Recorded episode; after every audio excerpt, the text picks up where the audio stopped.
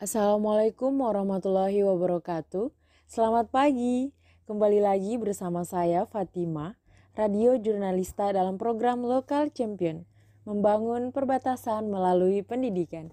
Edisi Kamis 17 Juni 2021.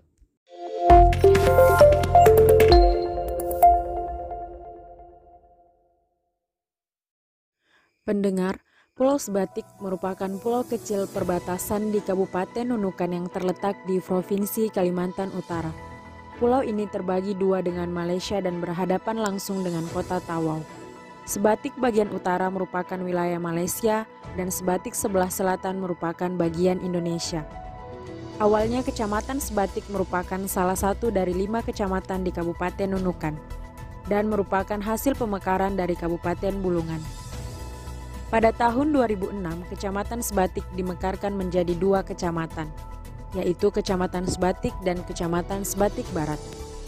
Letak Pulau Sebatik yang berbatasan langsung dengan Malaysia menyebabkan berbagai permasalahan terjadi, mulai dari permasalahan nasionalisme, ketergantungan Sebatik terhadap Malaysia, maraknya penyeludupan narkoba, penggunaan dua mata uang, krisis dalam berbahasa Indonesia, serta minimnya fasilitas pendidikan bagi anak-anak sekolah, terutama anak-anak TKI yang tinggal di perbatasan, sehingga banyak yang tidak bisa mengenyam pendidikan dengan baik. Melihat kondisi pendidikan yang tidak ada kepastian, Haja Suraida yang lebih akrab disapa Umi Suraida tergugah hatinya untuk merintis sekolah tapal batas. Tahun 2014, dibantu Pak Harman, camat Sebatik Tengah yang menjabat pada saat itu, serta para relawan Yayasan Ar-Rashid, akhirnya sekolah tapal batas berdiri. Perjuangan Umi Suraida untuk merintis sekolah tapal batas tidaklah mudah. Mayoritas orang tua calon murid merupakan buruh perkebunan sawit milik Malaysia dan jarang di antara para orang tua yang pernah mengenyam pendidikan. Umi Suraida, para guru dan para relawan mendatangi rumah anak-anak, menyusuri perkebunan sawit dan jalan setapak banyak orang tua yang tidak mengizinkan anaknya bersekolah di sekolah tapal batas karena jarak rumah dan sekolah cukup jauh dan menghabiskan waktu satu bahkan hingga dua jam dengan berjalan kaki.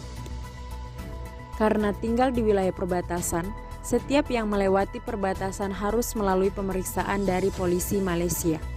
Beberapa orang yang tidak lolos pemeriksaan akan ditangkap dan dikurung selama beberapa hari karena telah melanggar perbatasan negara. Awal berdirinya sekolah tapal batas, anak-anak menempati kolong rumah warga dengan jumlah dua kelas yang dibatasi hanya dengan selembar triplex dan harus duduk lesehan. Namun hal itu tidak menyurutkan semangat anak-anak untuk belajar. Anak-anak yang jarak rumahnya jauh dari sekolah biasanya menginap di sekolah, kemudian hari Sabtu dijemput orang tua mereka. Pada tahun 2017, sekolah tapal batas mendapatkan hibah tanah dari warga setempat. Kemudian saat itu, sekolah tapal batas mulai membangun beberapa kelas, kantor, asrama putra dan juga asrama putri. Salah satu kendala terbesar yang dimiliki sekolah tapal batas hingga saat ini adalah kurangnya tenaga pengajar. Guru tetap yang terdaftar di yayasan hanya berjumlah tiga orang dan sudah termasuk kepala sekolah yang menjabat, yaitu Umi Suraida. Beberapa kali guru-guru di sekolah tapal batas dibantu para mahasiswa yang melakukan KKN atau kuliah kerja nyata, ataupun program kerelawanan lainnya untuk mengajar, yang sifatnya tentu saja hanya sementara. Sekolah tapal batas sendiri sudah banyak dikenal hingga ke seluruh Indonesia. Sekolah tapal batas kerap kali mendapat bantuan dari berbagai pihak, mulai dari bantuan seragam sekolah, alat tulis, serta buku bacaan. Pemerintah kabupaten juga telah membantu pasokan air bersih dan juga listrik untuk masuk di sekolah tapal batas. Media-media, para traveler, mahasiswa, kemudian para relawan juga telah banyak menuturkan cerita tentang sekolah tapal batas sehingga nama sekolah tapal batas semakin dikenal. Mengingat usia saya yang sudah lanjut, kemudian di sisa usia saya ini, saya ingin mengabdi kepada Allah Subhanahu wa Ta'ala, karena selama ini hanya bergelut di pendidikan umum, walaupun itu di dunia kesehatan, tapi ingin lebih diarahkan ke urusan agama. Tutur Umi Suraida ketika ditanya alasannya mendirikan sekolah tapal batas. Melihat kegigihan Umi Suraida memajukan pendidikan di perbatasan merupakan sebuah langkah nyata wujud pengabdiannya untuk Indonesia. Saya ini cuma perempuan bertubuh kecil. Kalau bukan karena Allah, semua ini tidak akan ada. Percaya saja, kalau kita punya niat baik, Allah pasti membantu.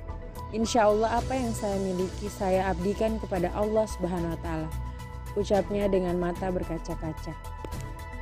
Radio Jurnalista, sampai di sini Fatima menemani pendengar setia. Terima kasih untuk kalian yang sudah mendengarkan sejak tadi. Fatima pamit, selamat beraktivitas. Wassalamualaikum warahmatullahi wabarakatuh.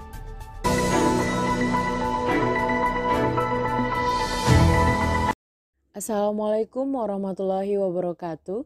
Selamat pagi. Kembali lagi bersama saya Fatima, radio jurnalista dalam program Lokal Champion, membangun perbatasan melalui pendidikan. Edisi Kamis 17 Juni 2021.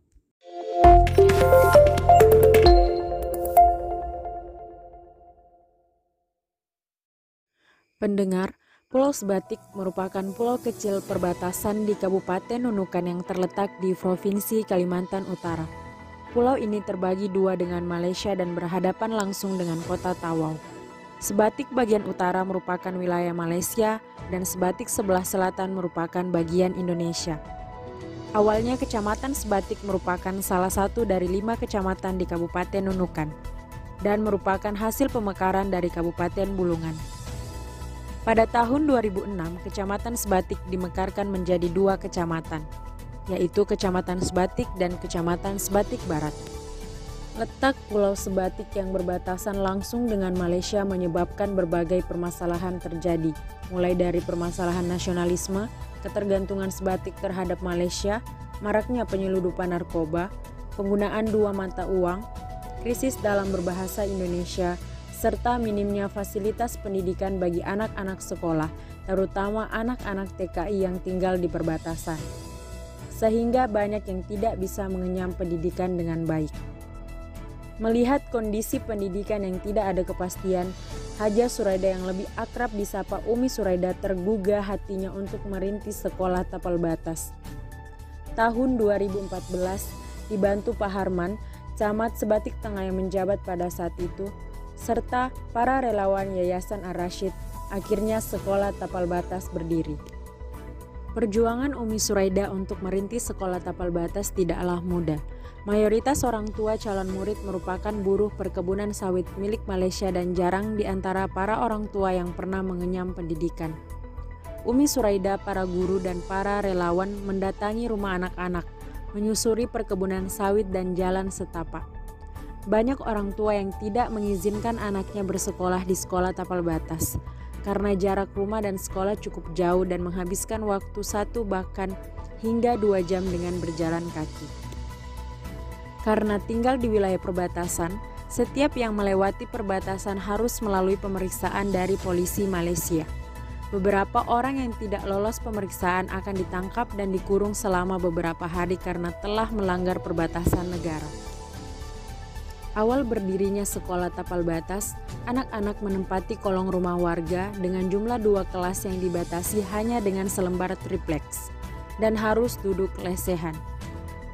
Namun hal itu tidak menyurutkan semangat anak-anak untuk belajar. Anak-anak yang jarak rumahnya jauh dari sekolah biasanya menginap di sekolah, kemudian hari Sabtu dijemput orang tua mereka. Pada tahun 2017, sekolah tapal batas mendapatkan hibah tanah dari warga setempat. Kemudian saat itu, sekolah tapal batas mulai membangun beberapa kelas, kantor, asrama putra dan juga asrama putri. Salah satu kendala terbesar yang dimiliki sekolah tapal batas hingga saat ini adalah kurangnya tenaga pengajar.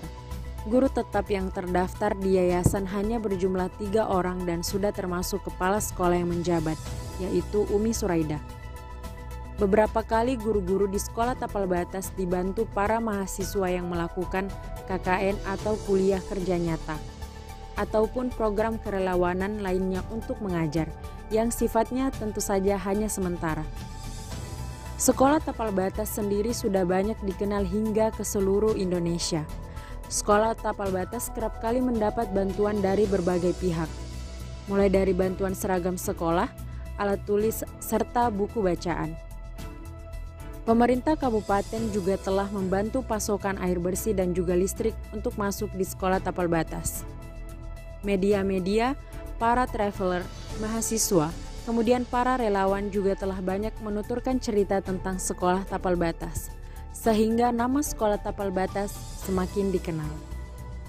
Mengingat usia saya yang sudah lanjut, kemudian di sisa usia saya ini, saya ingin mengabdi kepada Allah Subhanahu wa Ta'ala karena selama ini hanya bergelut di pendidikan umum, walaupun itu di dunia kesehatan, tapi ingin lebih diarahkan ke urusan agama.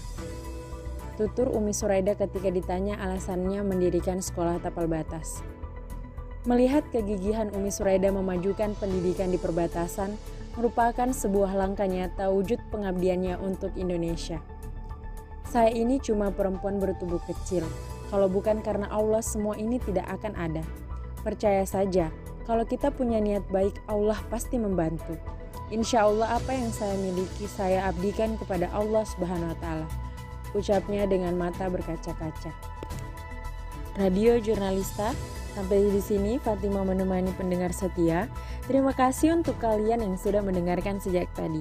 Fatima pamit, selamat beraktivitas. Wassalamualaikum warahmatullahi wabarakatuh.